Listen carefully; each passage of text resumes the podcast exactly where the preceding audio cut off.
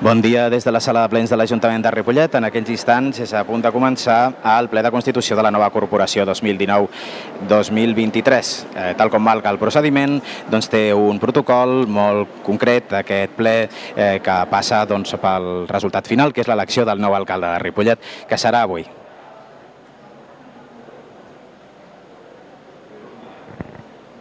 Bon dia. Benvinguts al ple de Constitució de l'Ajuntament de Ripollet, legislatura 2019-2023.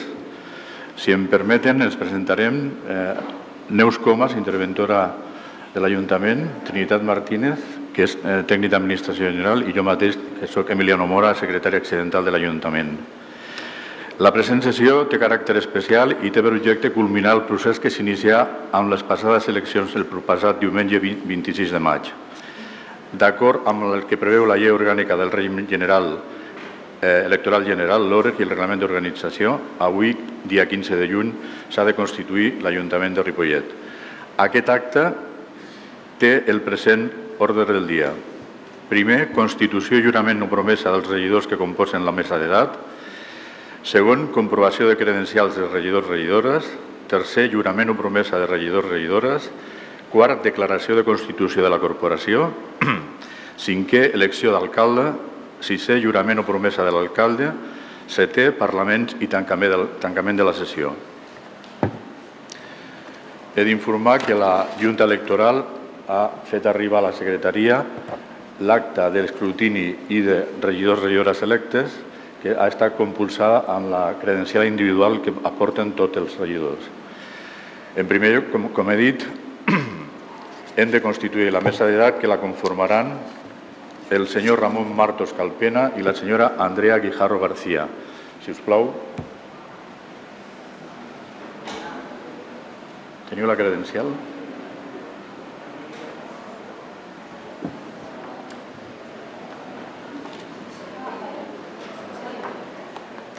está, perfecto. Ya, ya está. ¿Te pones ahí? Acerca. Ramón, gracias. De presentar, ok. Al costat del Ramon, eh? Al costat, al costat una mica, si vols.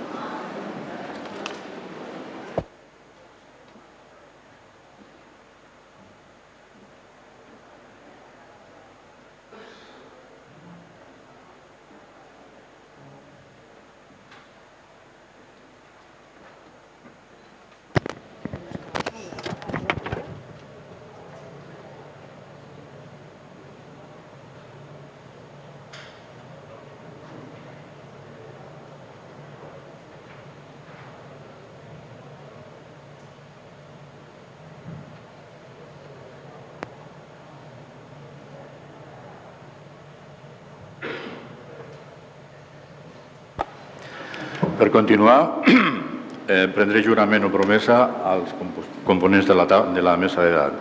En primer lloc, al senyor Martos, jura o promet per la seva consciència i honor complir fidelment les obligacions del càrrec de regidor d'aquest Ajuntament amb lleialtat al rei i guardar la Constitució com a norma fonamental de l'Estat?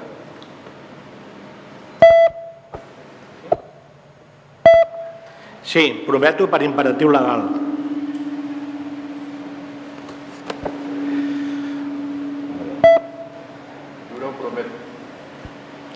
Jura o promet per la seva consciència i honor complir fidelment les obligacions del càrrec de regidora d'aquest Ajuntament amb lleialtat al rei i guardar la Constitució com a norma fonamental de l'Estat? Sí, prometo i sotmesa a la voluntat popular dels veïns i veïnes de Ripollet, em comprometo a treballar pel benestar social, la justícia social i la igualtat. Um, pel poble que m'ha escollit i únic depositari de la sobirania.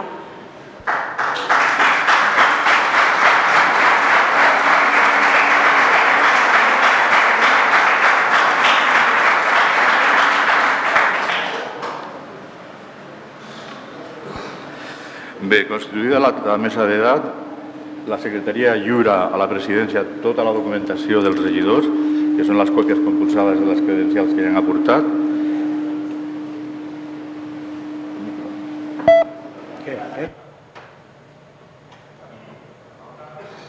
I ara anirà cridant un a un a tots els regidors que uh, ocuparan els seus seients. Eh?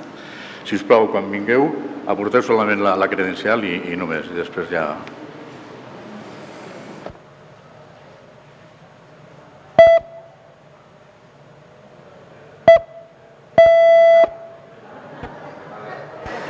Nois, falta de costum. Bé, eh, Josep Maria Osuna Trillo, si plau, al seu lloc.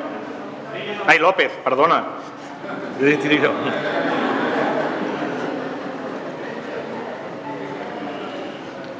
Maria del Pilar Castillejo Medina. Sergio Linares Salgado.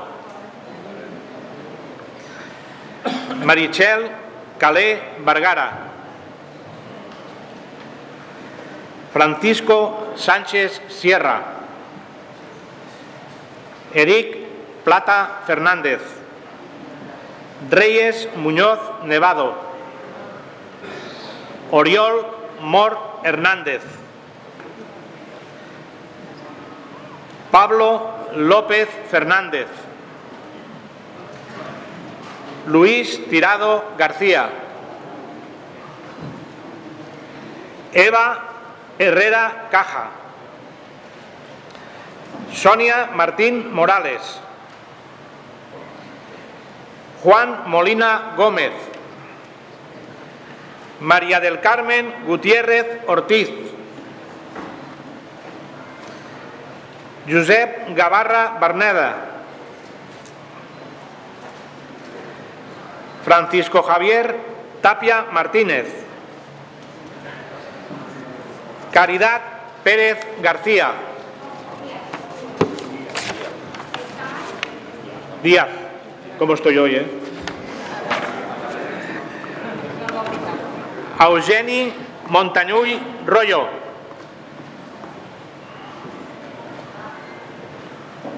Melody López Rodríguez.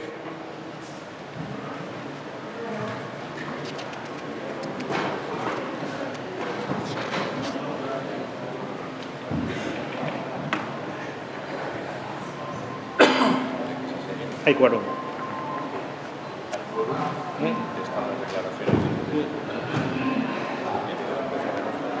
Vale, lo tienes que decir. Cierro esto.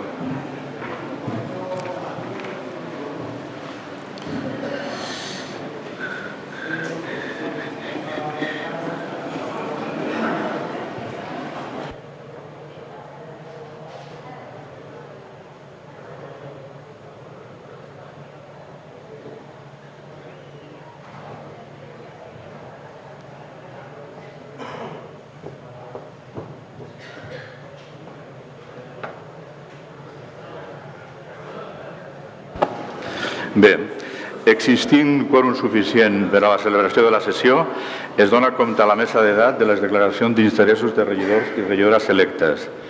Les declaracions d'interessos, d'incompatibilitats, etc., són a disposició de la, de la mesa, estan perfectament eh, completes i, i, per tant, es pot passar al que és el jurament o promesa dels regidors.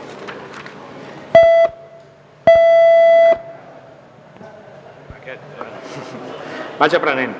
Eh, bé, faré una lectura única per tots i aniré nominant un per un i una per una a tots perquè feu la promesa o el jurament. Per tant, el que vaig a llegir ara només ho llegiré una vegada i us afectarà a tots, no faré un per un cada vegada, d'acord? Eh, jura o promet per la seva consciència i honor complir fidelment les obligacions del càrrec de regidora d'aquest Ajuntament amb, lle amb lleitat al rei i guardar la Constitució com a norma fonamental de l'Estat? En primer lloc, el senyor Josep Maria Osuna López. Sí, em comprometo per imperatiu legal i em comprometo a treballar amb la justícia social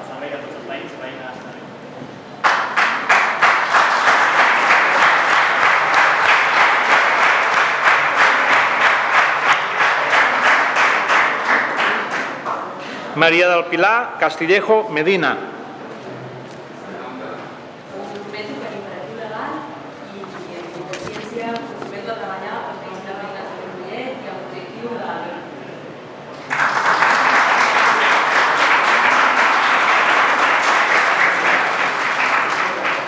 Sergio Linares Salgado. Eh,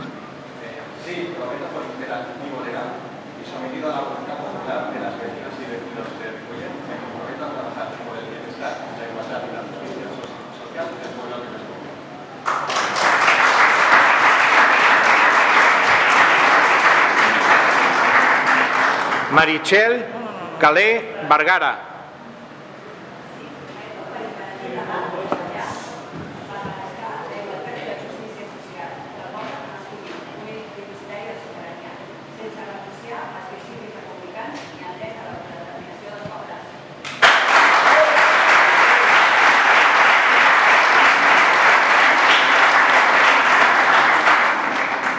Francisco Sánchez Sierra.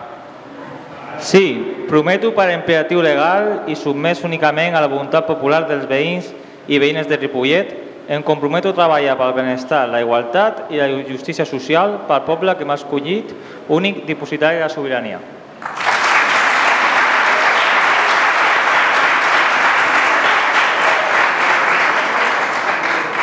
Eric Plata Fernández. Sí, ho prometo per l'imperatiu legal, amb el compromís de posar l'Ajuntament al servei dels veïns i veïnes de Ripollet i vetllar pel compliment del benestar, la igualtat, la justícia social del poble que m'ha escollit, únic dipositari de sobirania.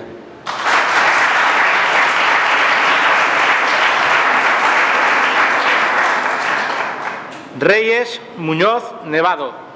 Sí, prometo per imperatiu legal i sotmesa únicament a la voluntat popular dels veïns i les veïnes de tot Ripollet.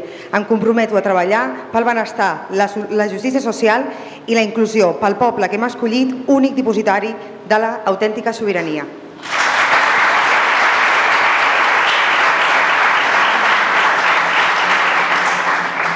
Oriol Mor Hernández.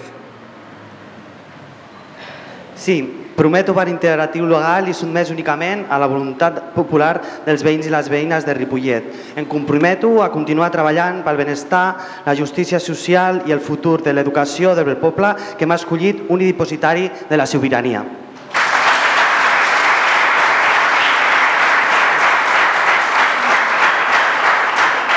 Pablo López Fernández. Sí, prometo trabajar para continuar haciendo efectivo el cambio de modelo de ciudad. Eh, prometo mi lealtad a la persona que ocupe la jefatura de- del Estado y todos sus derechos y que cuando se retire tenga derecho a una pensión digna. Eh, cuando sea desahuciado que lo haga con garantía de, eh, de, de- de alternativa habitacional y hacer guardar la Constitución esta y las próximas que vengan.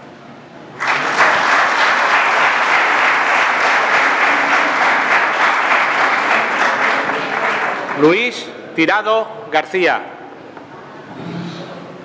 Sí, prometo.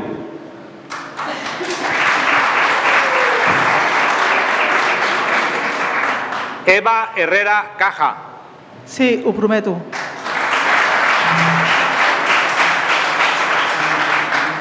Sonia Martín Morales. Sí, prometo.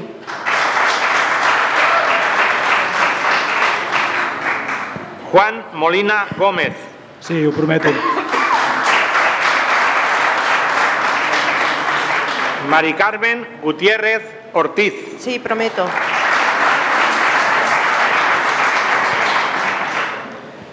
Josep Gavarra Berneda. Juro por mi conciencia y honor acatar el mandato recibido del pueblo de Ripollet y cumplir el ordenamiento constitucional.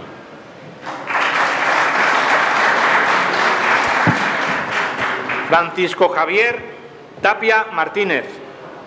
Juro, por mi conciencia y honor, cumplir fielmente las obligaciones del cargo de concejal de este ayuntamiento con lealtad al rey y guardar la Constitución como, como norma fundamental del Estado.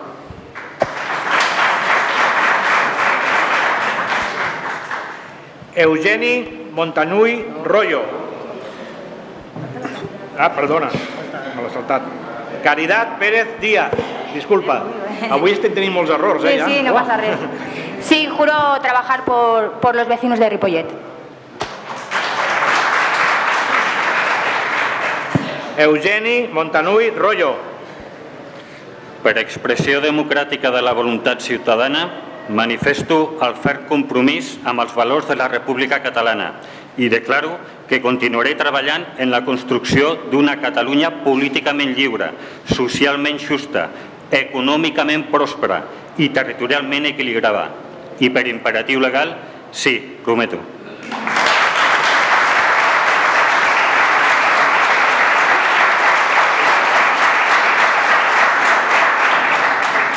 Melody López Rodríguez. Sí, prometo.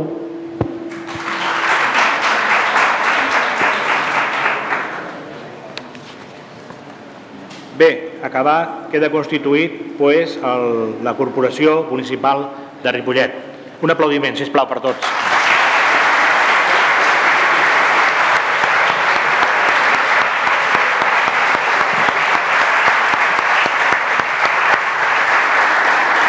Bé, passarem ara a l'elecció del, de l'alcalde pel proper quatrieni del 2019 al 2023.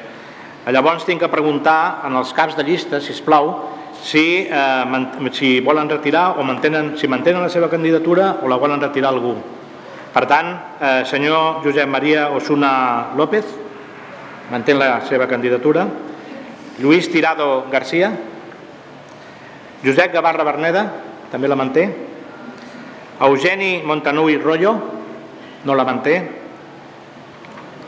I Melody López Rodríguez, manté la seva candidatura o no? No la manté? Molt bé. Senyor secretari.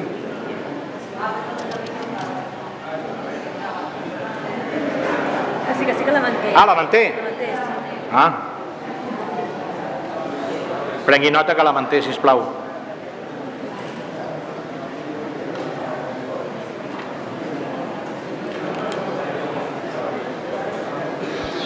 Bé, acte seguit es procedirà a l'elecció de l'alcalde alcaldessa mitjançant la papereta de vot que tenen al dossier de cada carpeta que està aquí a, a cada escó. És una llista amb els caps de llista, entenc que està retirada la candidatura d'Esquerra, llavors cal fer una marca al candidat que considerin. Seran cridats aquí a la mesa de la presidència per tal de dipositar el vot a una urna que... Em... Aquí no la tinc. Bueno. No, aquesta carpeta d'aquí sota, aquesta. Ah. Tantes carpetes, Maria. Sí, és aquesta, és aquesta. Aquí, mira. Perfecte. Moltes gràcies. De res, home.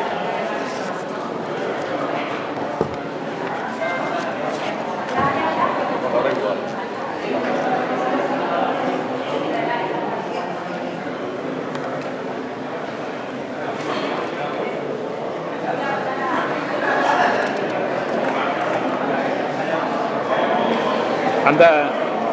Els vaig cridant jo i han de portar el DNI. Eh? Sí. Los locales ya están identificados de mayor a menor. Sí, Nosotros el último, el último. Sí. Y no hace falta acreditar tu personalidad. No? Vale. vale. Bé, doncs anem a passar a la votació. Tots teniu papeleta? Perfecte. Llavors, els candidats són el senyor Josep Maria Osuna López, el senyor Luis Tirado García, el senyor... Eh? No, que estic dient els tres candidats. Estava llegint ara. I eh, Josep Gavarra Berneda i la senyora Melody López Rodríguez. És així, no? Molt bé. pues passem a votar un per un, us aniré cridant. No fa falta que us acrediteu perquè ja esteu prou acreditats. Eh, en primer lloc, el senyor Josep Maria Osuna López.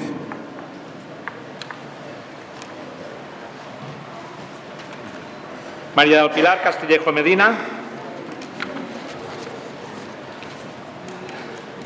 Sergio Linares Salgado. Marichel Calé Vergara.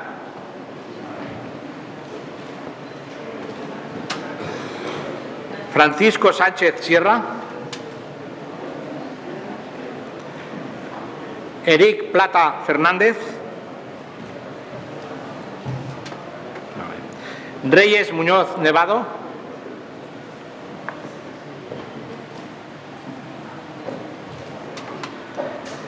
Oriol Mor Hernández.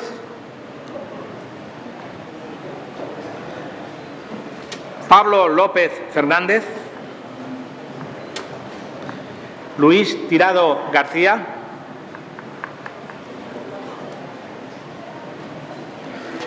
Eva Herrera Caja.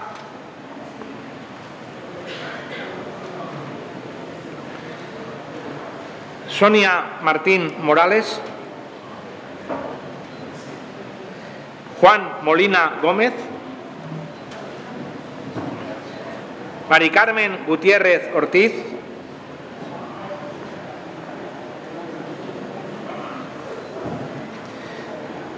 Josep Gavarra Berneda.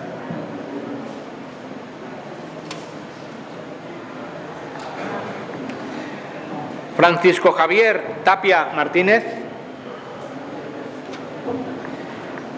Caridad Pérez Díaz.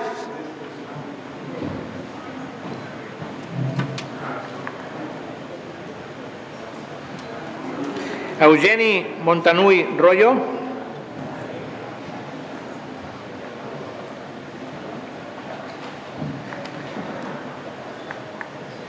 Melody López Rodríguez. Andrea Guijarro García. Espera, un moment. I jo en tinc el vot.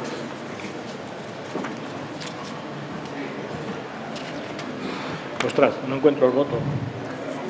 Sí, és aquest el teu. Aquest?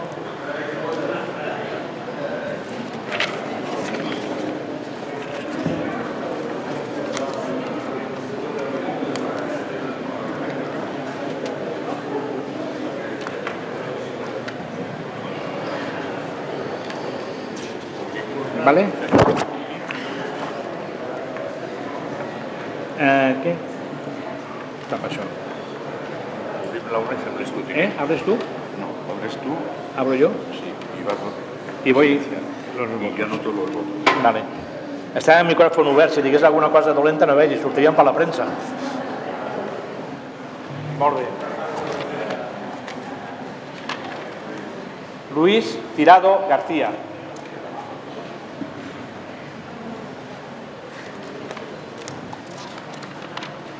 José María Osuna López.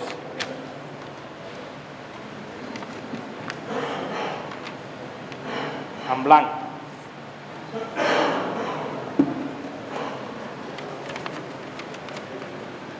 Josep Gavarra Berneda.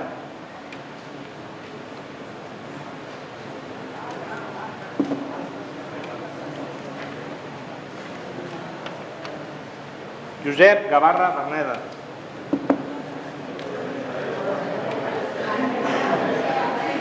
Qué murmullo.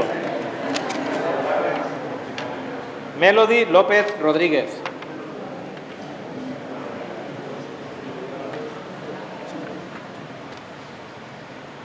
Luis Tirado García.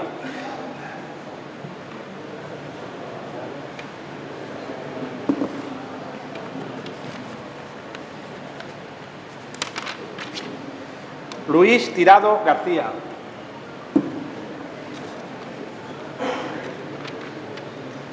Luis Tirado García.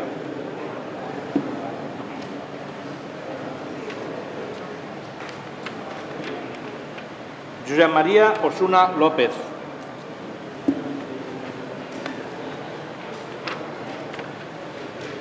Josep María Osuna López.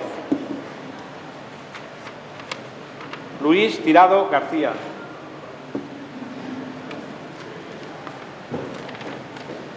Josep María Osuna López.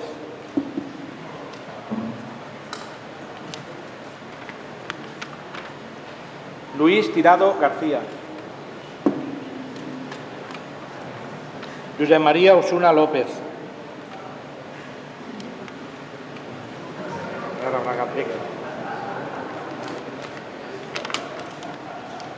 Josep Gavarra Berneda.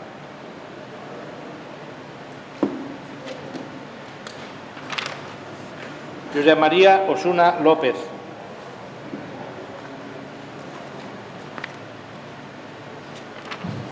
Josep Maria Osuna López.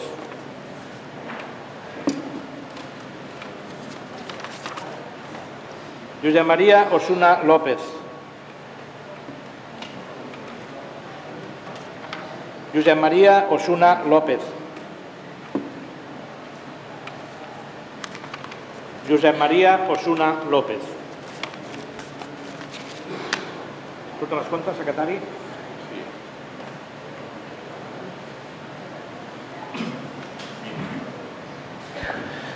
21 vots, un nul,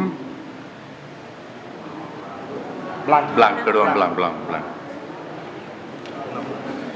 10 vots a favor de la candidatura de Josep María Osuna López, 6 vots a favor de la candidatura de Luis María Tirado García y 3 vots a favor de la candidatura de Josep Gavarra, un vot a favor de la candidatura de Melody López.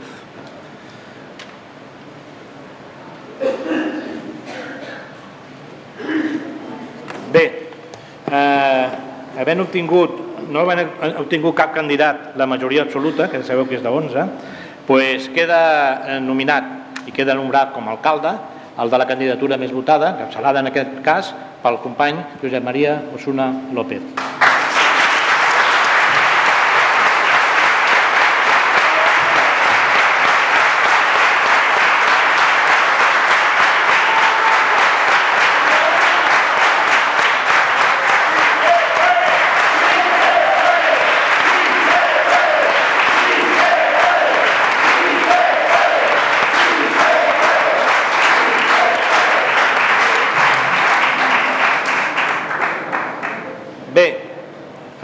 Aquests moments hi tinc que prendre jurament el, el nou batlle nominat per votar. Eh?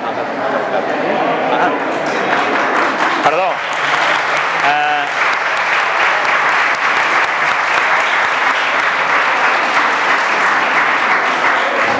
senyor Josep Maria Osuna López, accepta vostè el càrrec de- d'alcalde de Ripollet? Sí. Doncs, pues, sisplau, vingui que li prendrem jurament.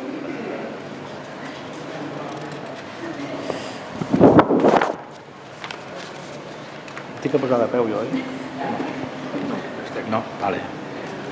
Jura o promet per la seva consciència i honor complir fidelment les obligacions del càrrec d'alcalde d'Ajuntament de Ripollet amb lleialtat al rei i guardar la Constitució com a norma fonamental de l'Estat?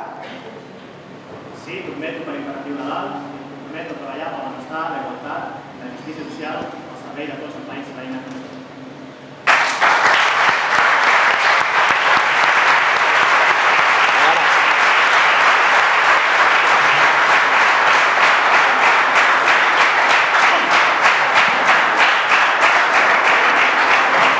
Bé, vaig a donar-li de tribut de balla. Josep Maria? Molt fort.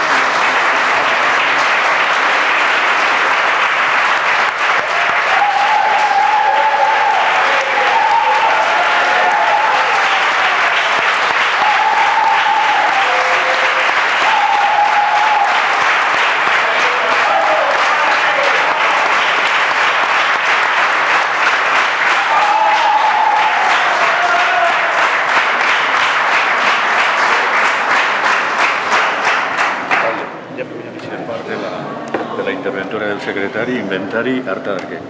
Apasionante.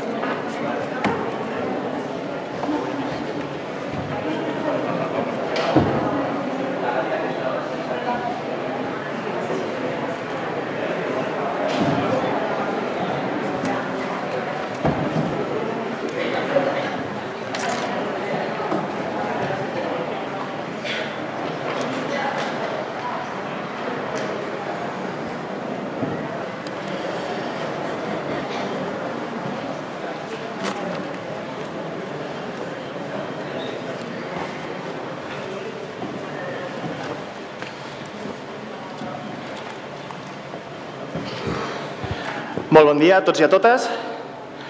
Ara, com és habitual, obrirem una ronda d'intervencions de cadascun dels grups polítics municipals aquí presents en aquest nou mandat que estrenem avui 2019-2023. Com també és habitual, iniciarem l'ordre d'intervencions, serà de menys representació a més. Així doncs, en primer lloc li cedim la paraula a la regidora, senyora Melody López, perquè en nom de Som Ripollet faci la intervenció que, que consideri. Gracias. Es mi deseo iniciar este nuevo curso político agradeciendo a los 881 vecinos y vecinas la confianza que depositaron en Som Ripollet el pasado día 26 de mayo.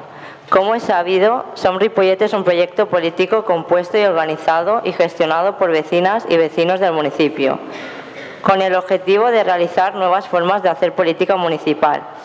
Como ya dijimos en campaña, Som Ripollet no pertenece a ninguna organización política. Por lo tanto, no tenemos ningún tipo de condicionamiento político ni ideológico. Nuestra gestión durante los siguientes cuatro años de legislatura será la de darle voz a los vecinos y vecinas a través de mi persona en todas las sesiones plenarias y en todas las comisiones donde podamos ser representativos. La de trabajar por nuestro municipio con la única idea y la firme voluntad de llevar a cabo una política directa con la ciudadanía, donde las prioridades de los vecinos sean las prioridades a reclamar y, a, reclamar y defender. No me gustaría dejar de mencionar que nuestro proyecto vecinal y nuestra representación en el ayuntamiento será en toda la legislatura de forma transversal, sin individualismo. Nos turnaremos la representación plenaria, las decisiones y votaciones en el Pleno serán consensuadas por los afiliados y destinaremos las aportaciones dinera, dinerarias a, ofrecer, a ofrecerse servicios y atención individualizada a nuestros vecinos en nuestra sede.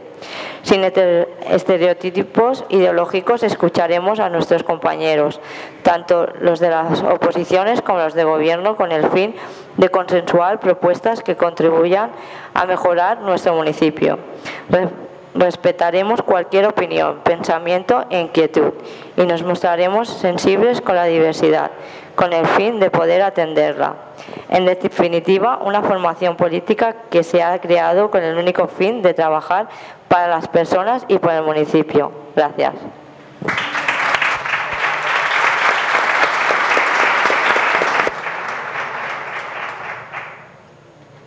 Moltes gràcies, senyora López. Ara li cedim la paraula al portaveu del grup d'Esquerra Republicana, el senyor Eugeni Montanui. Endavant. Molt bon dia a tots. Ripolletenques i ripolletens, regidors, regidores, alcalde. És per mi un honor i una gran responsabilitat el passar a formar part d'aquest consistori. Així, des de la responsabilitat i la coherència independentista, republicana, política i moral, vull manifestar que prenc possessió com a regidor decidit a servir al càrrec i no servir-me d'ell. Decidit a defensar els ideals de l'esquerra municipalista, propera a la ciutadania i compromesa amb el canvi i la justícia social. Faré que la meva feina contribueixi a desenvolupar al màxim possible el programa amb el que Esquerra Republicana, ara Ripollet Acord Municipal, va presentar a les eleccions del passat mes de maig i a la vegada portar a terme una oposició ferma i constructiva. Tanmateix, tot i que voldria ser breu a les meves paraules, no puc deixar de dir que amb la meva entrada al consistori es consolida la voluntat de la ciutadania expressada a les urnes el passat 26 de maig i que va situar la candidatura d'Esquerra Republicana, ara Ripollet, acord municipal, novament com a única eina visible de l'independentisme republicà a la ciutat de Ripollet. Cada vegada que en aquesta sala es porta a terme la presa de possessió d'un alcalde, d'una nova corporació, en un dia com el d'avui, experimentem nombroses sensacions, sentiments i expressions contradictòries. Sentiments de gratitud, d'esperança, sentiments de crítica i de reivindicacions però fonamentalment el que sempre conflueix és una mirada al futur, a les expectatives d'un horitzó no llunyà, una mirada optimista, sincera, amb ganes de resoldre dificultats i problemes, i més quan moltes d'aquestes dificultats ja existeixen i es manifesten fins i tot abans de començar el discurs de la mateixa presa de posició del càrrec. Avui, en centenars d'ajuntaments del nostre país apareixeran nous actors en l'escena pública, en molts casos donant prova d'un relleu generacional i en altres donant sentit a un important canvi d'organitzacions polítiques. En tots ells estic segur que, parlarà, que es parlarà de transformar aquesta pluralitat en una eina útil per millorar les ciutats i els pobles i en aquest cas també, com no pot ser cap altra manera, el nostre Ajuntament. La política, a més de ser neta i transparent, ha de ser útil i ha de servir per resoldre els problemes dels ciutadans. Els nous temps estan transformant la realitat institucional d'una manera important. Avui, les majories no es guanyen, avui les majories s'acorden. La pluralitat i les exigències ètiques ens porten pel camí de la revisió dels acords i centrant molts esforços en la rendició de comptes davant dels ciutadans i davant de nosaltres mateixos. Els temps canvien i nosaltres canviem amb el temps. Una nova cultura política s'ha consolidat a Ripollet. Esquerra Republicana té una nova manera de fer i d'entendre la gestió dels assumptes polítics.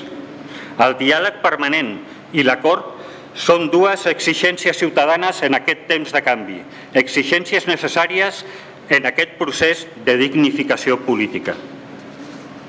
Esquerra Republicana té la convicció de situar la ciutadania al centre per poder construir ajuntaments participatius i col·laboratius que, a més, siguin també transparents, ètics, oberts i que acostin la informació i les decisions a la ciutat.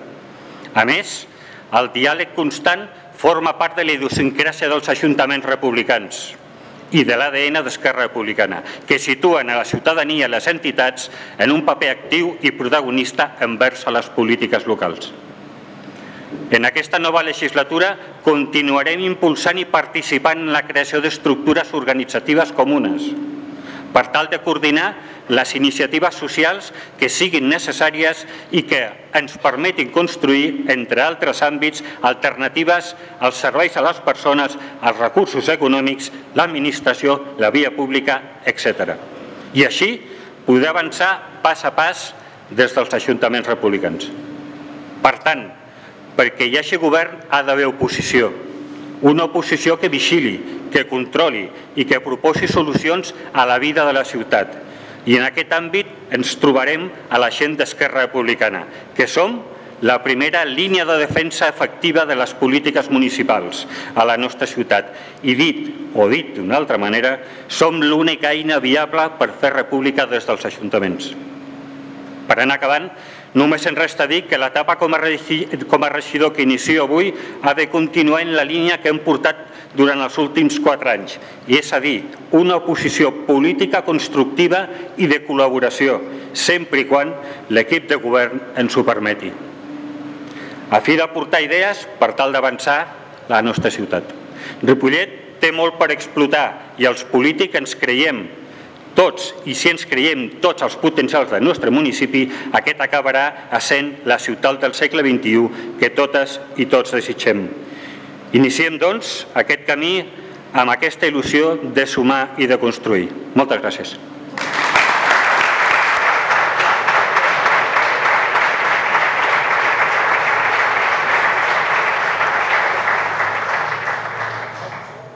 Gràcies, senyor Montanui. Per part de Ciutadans, senyor Gavarra. Sí, desde Ciudadanos queremos mandar la felicitación más sincera al nuevo alcalde y comentar de que todas las elecciones son motivo de una profunda reflexión, pero estas, al menos para nosotros, lo han sido más. ¿Por qué? Pues mire, señor alcalde, Ripollet tiene muchos, muchas asignaturas pendientes. Hemos estado haciendo una campaña electoral eh, diciendo que faltaba aparcamiento, que la movilidad no era la que tendría que ser, que teníamos paro, que teníamos un modelo de mercado agotado, que tenemos que soterrar una autopista e intentar que las administraciones supramunicipales nos hagan caso, que tenemos pendiente de iniciar una residencia para nuestros mayores en Ripollet, que tenemos infraestructuras que se nos caen como el patronato de deportes, incluso que los parques estaban sucios. Y aún así, después de haber alzado la voz en todos estos temas, hemos sido conscientes que el pueblo de Ripollet ha entendido que, premiándolo con un concejal más, que se estaban haciendo las cosas quizás bien. Nosotros, desde el Grupo Municipal de Ciudadanos, y con la sinceridad por delante, seguiremos siendo la voz de aquellos que nos sentimos catalanes, nos sentimos españoles y nos sentimos europeos, de aquellos que nos sentimos cómodos con el actual marco constitucional. Seremos, ya se lo avanzamos, una oposición, como lo hemos sido siempre, una oposición leal y constructiva, y seguiremos apoyando lo que consideramos que es bueno para Ripollet y denunciaremos aquello que no nos gusta. Por lo tanto, felicidades, señor alcalde, que es lo que hoy importa.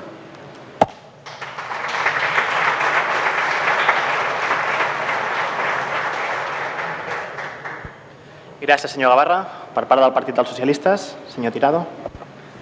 Gràcies. Bon dia a tothom. Primer voldria felicitar personalment al senyor alcalde pel seu nomenament. En nom del grup socialista eh, li desitgem molts encerts per aquesta legislatura en, en tota franquesa. Vull tenir un record especial també pels regidors, avui ens acompanyen alguns del nostre grup, que han fet una excel·lent feina al darrer mandat i que ja no continuaran en aquest com han sigut el Juan Paralejo, la Rosa Martín, la Maria de Mal Martín, Viera, els dos primers anys de legislatura, i després la Maria Lladó amb el Toni Francolí i el José Luis Suárez, que han estat molt bons companys. A tots ells, moltes gràcies per la seva dedicació i per la seva estima i el seu amor de veritat a, a Ripollet. Moltes gràcies. També voldria aprofitar per donar les gràcies a tots els votants socialistes que el 26 de maig ens van donar el seu suport.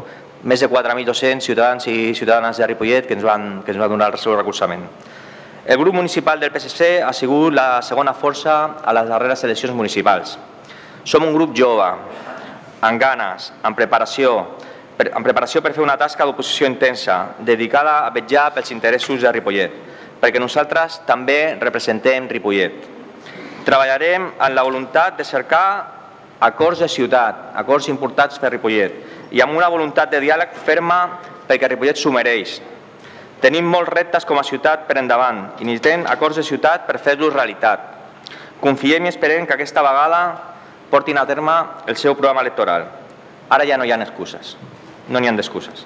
Ripollet té recursos per fer-ho possible. Necessitem el nou hospital, la nova residència, el nou centre de dia, uns nous equipaments culturals, educatius i esportius, nous habitatges públics, un nou mapa públic de transports, reduir les desigualtats socials, baixar la tassa d'atur, una nova, volem una ciutat inclusiva, un Ripollet feminista, un Ripollet per a la gent jove i la gent gran. Com vostè va dir fa quatre anys, volem el pas sencer aquesta vegada de veritat, el volem el pas sencer de veritat. Senyor Suna, li desitgem de veritat novament molta sort, molts sencers per governar Ripollet. Nosaltres treballarem des de l'oposició per no defraudar ningú i com va dir en Karl Marx, la peor lucha és la que no se hace. Moltes gràcies.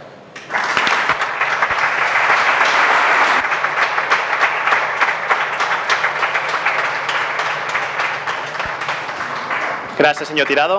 Per part de Decidim, senyora Pilar Castillejo. Davant de tot, el primer que volem és donar les gràcies, ho necessitem. Volem agrair la confiança al qui, als qui ens l'heu donada aquests, per aquests quatre anys. estic nerviosa, eh? sembla mentida, però estic nerviosa també uh, amb el dia d'avui. La responsabilitat que, que és ve davant i també, també ho notem. Agraïm el referent dels companys que ens han precedit. Agraïm l'acompanyament i el rigor de la nostra assemblea. Agraïm els consells i les crítiques constructives dels qui les heu sabut fer. Agraïm la paciència i l'amor del nostre entorn. Agraïm la generositat i la saviesa del Ramiro i del David. I necessitem també felicitar de tot cor les persones que formeu part d'aquest nou consistori, amb les que compartim el privilegi de la representació pública a l'administració més propera, la que ha de donar resposta a la vida diària dels nostres veïns i veïnes. Les persones de Decidim que governarem Ripollet els propers quatre anys ho farem des de la plena consciència d'aquest privilegi i de la responsabilitat que comporta, del compromís contret amb tots vosaltres per dur a terme el projecte que ens ha portat fins aquí. No dubteu que treballarem incansablement per dur-lo a terme. Ja hem après que no és fàcil governar la maquinària burocràtica. Té els seus codis, els seus tempos propis, excessivament llargs per fer front a la quotidianitat. Ara ja sabem que la política institucional està plena de trampes, però també hem après a fer acords amb la realitat i amb la resta de grups per anar vestint el gir que Ripollet requeria. necessitava fa quatre anys urgentment un pla de rescat ciutadà, de mesures que garantissin drets en una situació d'emergència social vergonyant i un pla també de rescat democràtic que desenvolupés polítiques culturals i de participació arreu de la ciutat. Ara hi ha més musculatura social i comunitària. Hem construït comunitat desenvolupant un municipalisme del bé comú que ens ha permès practicar experiències del Manau veïn i des de la proximitat dels barris. Però no tot el que hem volgut tirar endavant ha estat possible fer-ho. Ens hem hagut d'enfrontar a obstacles sistèmics que en alguns casos han bloquejat l'aplicació del nostre programa. El cas més paradigmàtic, però no l'únic, ha estat el de la municipalització de l'aigua. Ara tenim una segona oportunitat de materialitzar-los, des d'una majoria més sòlida que ens permetrà afrontar amb més força els obstacles. Sense cap dubte, aquests obstacles els tindrem. Quan pretendem escarrapar el poder a les grans corporacions o dur a terme altres processos que no siguin merament pal·liatius, sinó que busquin l'arrel i promoguin sotracs a l'establert des de sempre. I és que per transformar la realitat no n'hi ha prou amb la institució. Fa falta un teixit sòlid i crític, que la gent estigui vigilant i no baixi la guàrdia, que exerceixin contrapoders ciutadans des de baix. Ripollet el té, aquest teixit sòlid i crític. Serà més necessari que mai per continuar transformant en un moment difícil com el que estem vivint, de conculcació de drets fonamentals, en què són testimonis directes de com un estat vulnera llibertat de consciència, llibertat d'expressió i llibertat de participació política. Cadascú té l'obligació moral de desobeir les lleis injustes, deia Martin Luther King. Amb Decidim Ripollet hem aconseguit traslladar a l'Ajuntament la confluència que ja es produïa al carrer. Ens hem unit defensant l'escola pública i de qualitat, lluitant per un habitatge digne, reclamant el dret a votar, exigint millors equipaments i serveis, treballant per un transport públic per a tothom. Som un front ampli, divers, plural i compromès, que també ens permet qüestionar-nos a nosaltres mateixos i conviure amb la diferència, però sempre amb aquesta obligació moral al davant. Afrontem els propers anys amb tot aquest bagatge, amb la mirada serena del que sap, amb la mirada il·lusionada del que arriba, amb la juspira de qui somia coses millors, amb la vista aixecada del que sap on vol anar. Els propers anys tenim el repte de construir Ripollet, i de fer-ho posant la vida al centre de les polítiques públiques. Ripollet té mancances greus en infraestructures, és cert, i els propers anys hem de capgirar això. Els dos, instituts, els dos instituts nous, la nova residència, els nous habitatges públics, la nova escola d'adults, la reforma integral del poliesportiu, la llista és encara més llarga. Són grans projectes que han de veure la llum els propers anys i que ens faran viure en una ciutat que volem que Ripollet sigui. I aquesta ciutat volem que sigui vivible. Per això posarem la vida al centre. Tenir els dos instituts nous no significaran dos edificis, sinó un projecte educatiu de ciutat que ha d'implicar absolutament a tota la comunitat educativa al voltant de la cohesió i la inclusió, de la qualitat de les aules, de l'oferta educativa per a tothom. L'educació ha de ser un pilar fonamental no només de la política municipal, sinó de la vida de Ripollet, si volem esperança d'un futur millor. Construirem un Ripollet per a les persones, Construirem un Ripollet feminista que aplicarà les polítiques públiques amb les ulleres liles de l'equitat i la sororitat. Construirem un Ripollet sostenible, perquè la vida del nostre planeta també és la nostra vida. I treballarem per implementar una mobilitat pensada més per a les persones que per als vehicles i per una gestió del residu responsable que promogui la no generació de deixalles i que faciliti el tractament sostenible dels que produïm i ens atrevim a somiar que serem capaces de construir aquest Ripollet perquè portem quatre anys posant els fonaments per fer-ho possible. Gràcies, de veritat, gràcies per quatre anys més. Gràcies per donar-nos l'oportunitat de fer possible que construïm Ripollet. Amunt al cors i celebrem la vida.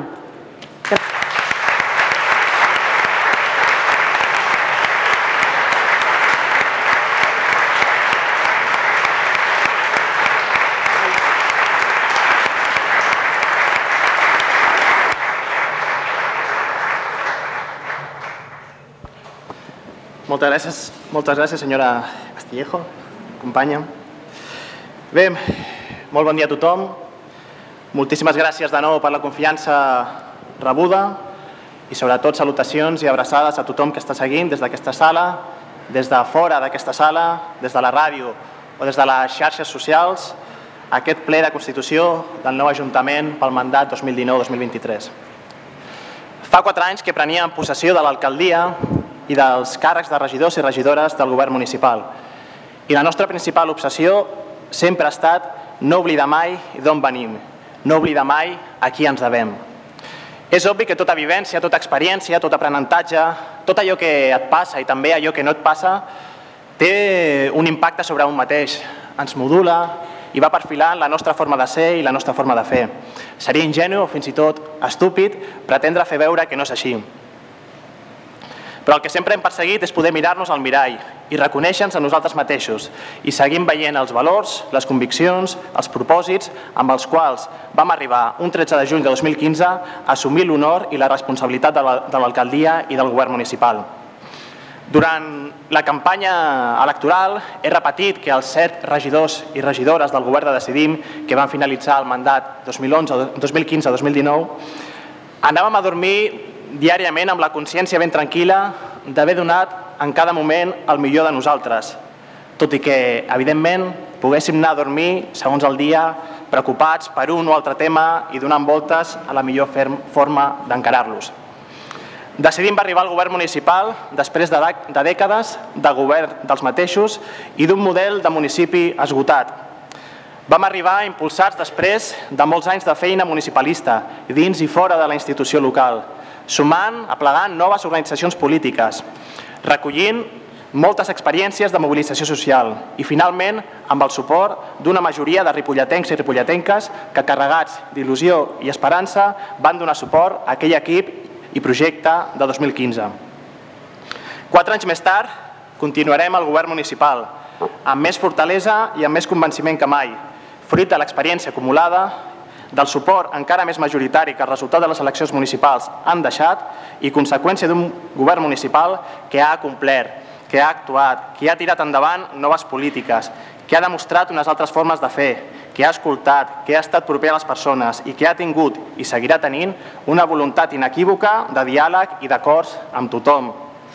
I una voluntat inequívoca de mà estesa amb totes les forces polítiques, en especial amb aquells partits, aquelles forces presents en aquest plenari, amb ànsies i amb voluntat de transformar-ho tot. Entenem, doncs, que el poble Ripollet ha expressat el seu suport a la continuïtat del govern de Decidim i és una oportunitat que no desaprofitarem per consolidar el projecte municipal i municipalista que defensem, amb un model clar de municipi en favor de les persones, en defensa dels drets de tothom i dels serveis públics per tothom. I ho farem conscients dels nostres encerts, però també amb humilitat i sobretot coneixedors dels nostres errors, de les nostres mancances i de tot allò que cal millorar, que segurament no és poc. El nostre objectiu, conseqüentment, serà fer més i fer-ho millor, des del coneixement i el bagatge dels primers quatre anys. Cuando, intentan cosas nuevas, no todo va a salir perfecto. Això ho deia mig, en broma, mig en sèrio, el cantor flamenc Enrique Morente, en referència a la innovació que va introduir davant l'ortodoxia flamenca, però és per suposat un aprenentatge, una frase aplicable a tota la vida. Decidim, hem demostrat que no som flor d'un dia, que no som una cosa passatgera, ni un accident de la història. I ho volem seguir demostrant amb la humilitat quotidiana, perquè al cap i a la fi som, volem ser una eina al servei de la gent de Ripollet, per tal de transformar la realitat i fer-la millor, tot aspirant a un futur més digne, més just i més feliç per totes les persones de Ripollet. Aprofito també per agrair la tasca, el compromís, la tenacitat i la generositat dels companys David Fontanals i Ramiro Moldes, regidors sortins d'aquest govern municipal, exemples d'una política honesta i arrelada en profuns valors transformadors, exemples del que hauria de ser la política. Però també, ells ja ho han dit, per si quedava algun dubte, aquí no marxa ni sobra ningú. Joconda Belli, una poetessa sandinista i feminista, deia el següent Uno no escoge el lugar donde nace, pero ama el lugar donde ha nacido.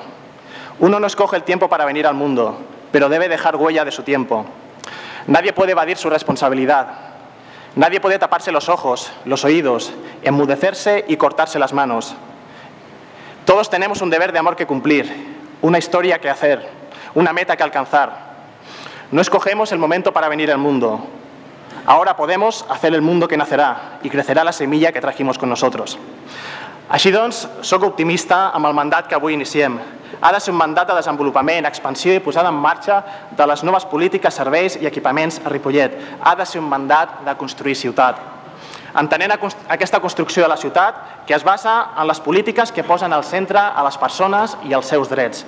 Parlem de polítiques d'educació, parlem de polítiques d'habitatge, Parlem de polítiques en favor de les persones més vulnerables, polítiques per una ciutat lila i feminista, polítiques inclusives i en favor de les persones amb diversitat funcional, polítiques en favor de la creació de l'ocupació estable i de qualitat, polítiques que segueixin fent de la cultura i de l'esport els principals eixos de desenvolupament comunitari de la nostra ciutat, polítiques per la mobilitat sostenible i per uns carrers oberts a tothom, que estiguin dignes, que estiguin nets, polítiques per un nou model de recollida de residus que ens apropi al residu zero, polítiques també contra l'amiant que ha matat i mata a molts dels nostres veïns, etc.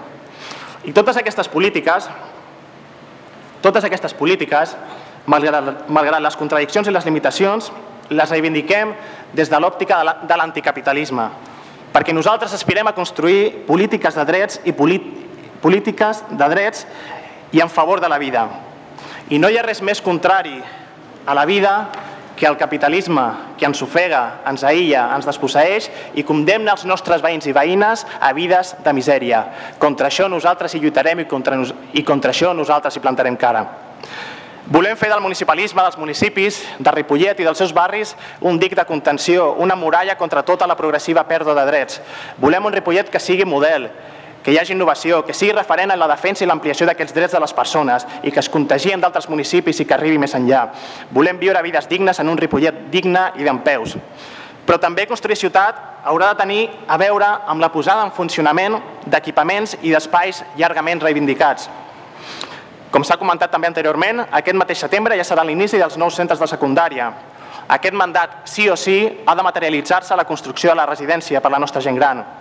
Hem de tenir un projecte i una data d'inici d'un nou equipament hospitalari de proximitat que serveixi per descongestionar el taulí i enforteixi l'atenció primària, comunitària i preventiva.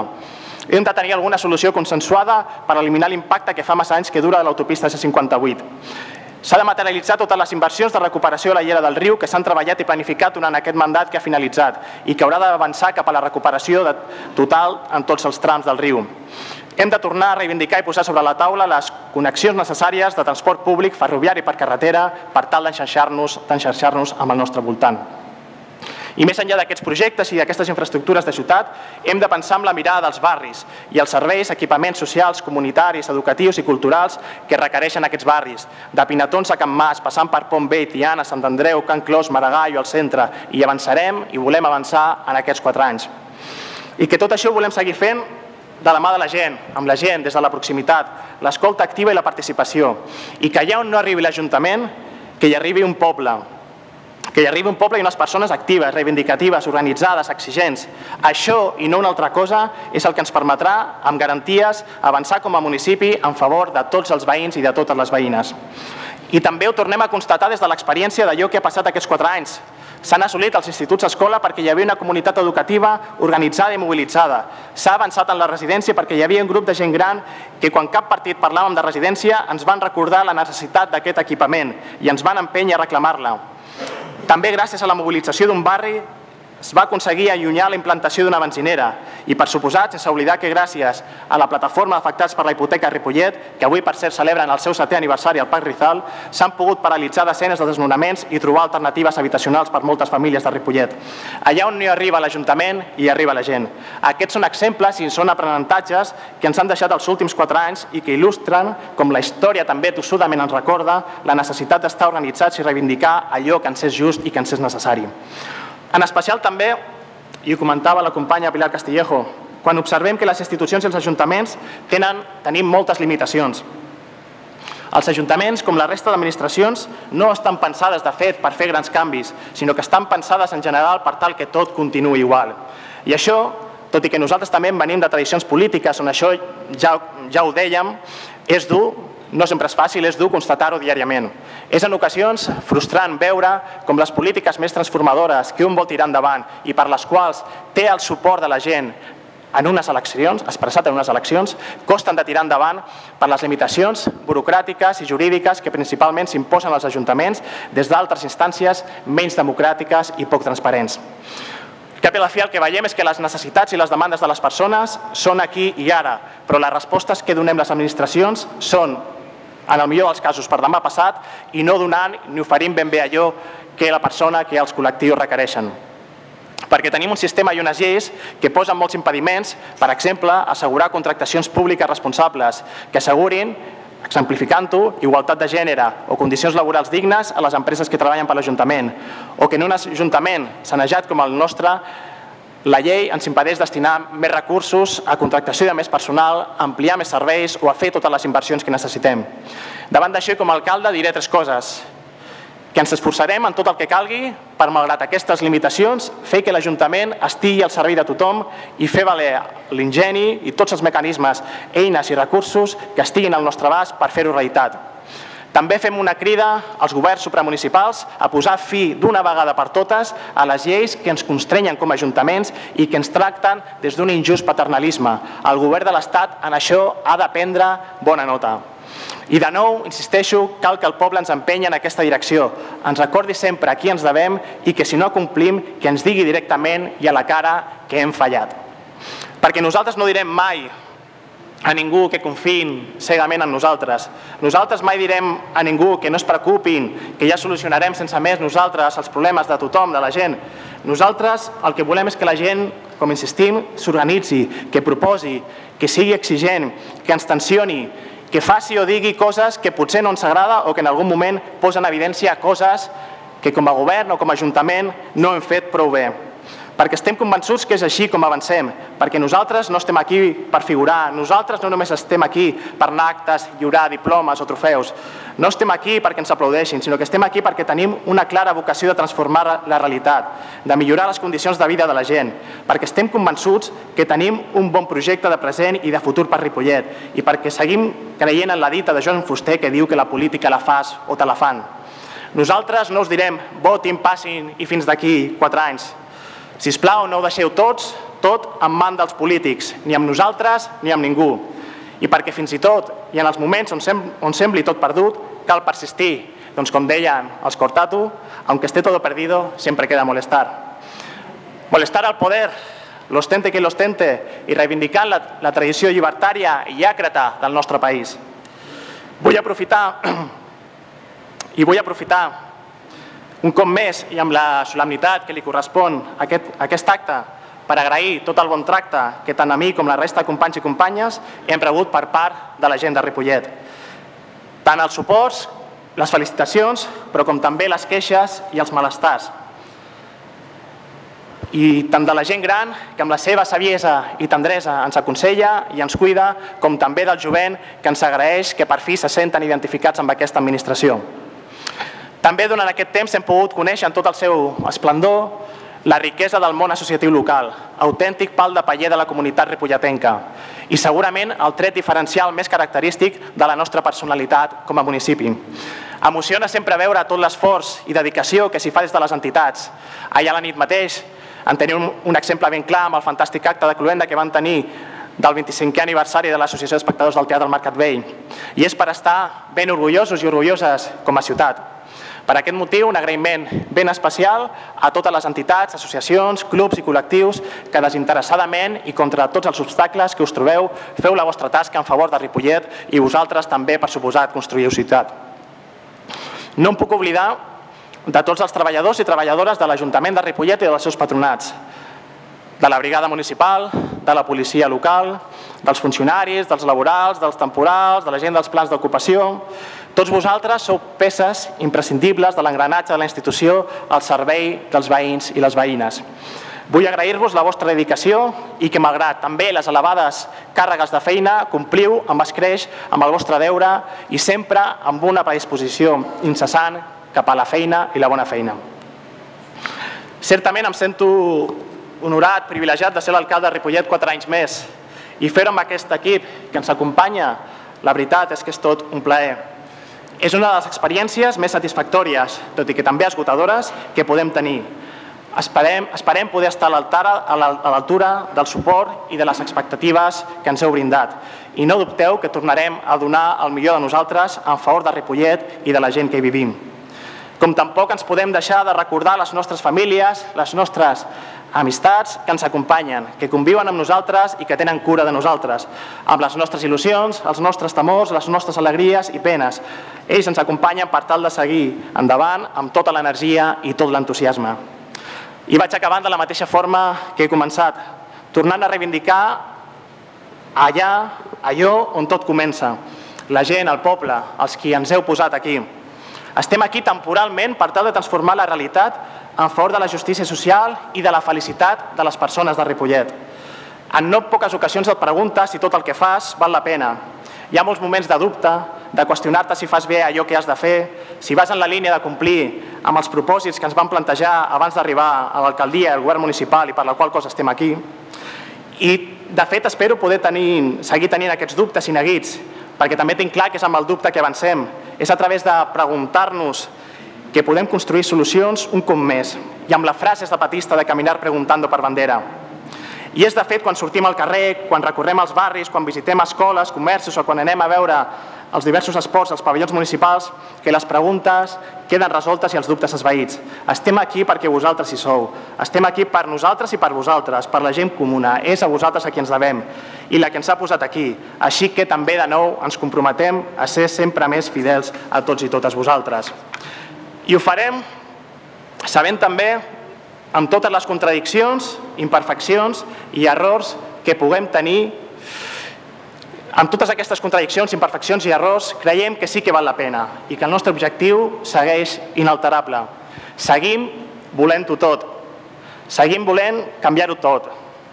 Seguim volent el pas sencer. Volem continuar avançant cap a l'utopia.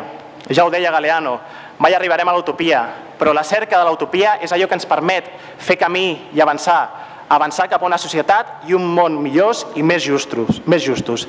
I nosaltres ho fem, contribuint des del, no, des del nostre petit espai, que és Ripollet, en tot allò que puguem. I perquè les institucions deixin d'estar només al servei d'uns pocs i deixin de ser dures amb els dèbils i dèbils amb els forts. I ho farem també sense perdre mai l'esperança i sense renunciar mai a ser feliços, com aquesta setmana recordava el company i pres polític Jordi Cuixart, llibertat per tots ells. L'entusiasme, els dubtes, l'alegria, l'esperança, les contradiccions, els anels, la prudència, la justícia, la humilitat, les ànsies de llibertat i la confiança en la col·lectivitat formen part del nostre ADN i amb aquest ADN impregnem la nostra forma de fer política perquè no sabem fer d'una altra forma. Unitat popular, poder popular. I perquè un cop més aspirem a continuar fent nostra la frase del grup Escorbuto. Cuidado, os avisamos, somos los mismos que cuando empezamos. Que el pueblo mande y que el gobierno obedezca. Muchísimas gracias y visca Repollet.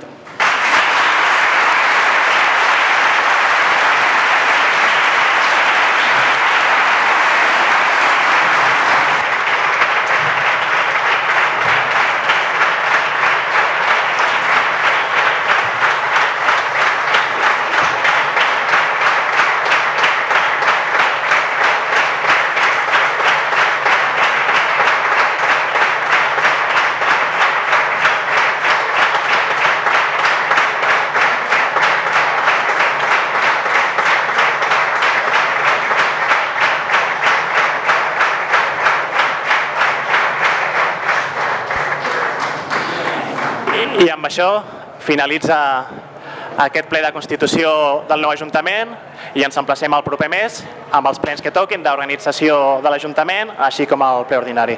Moltíssimes gràcies a tothom i continuem endavant.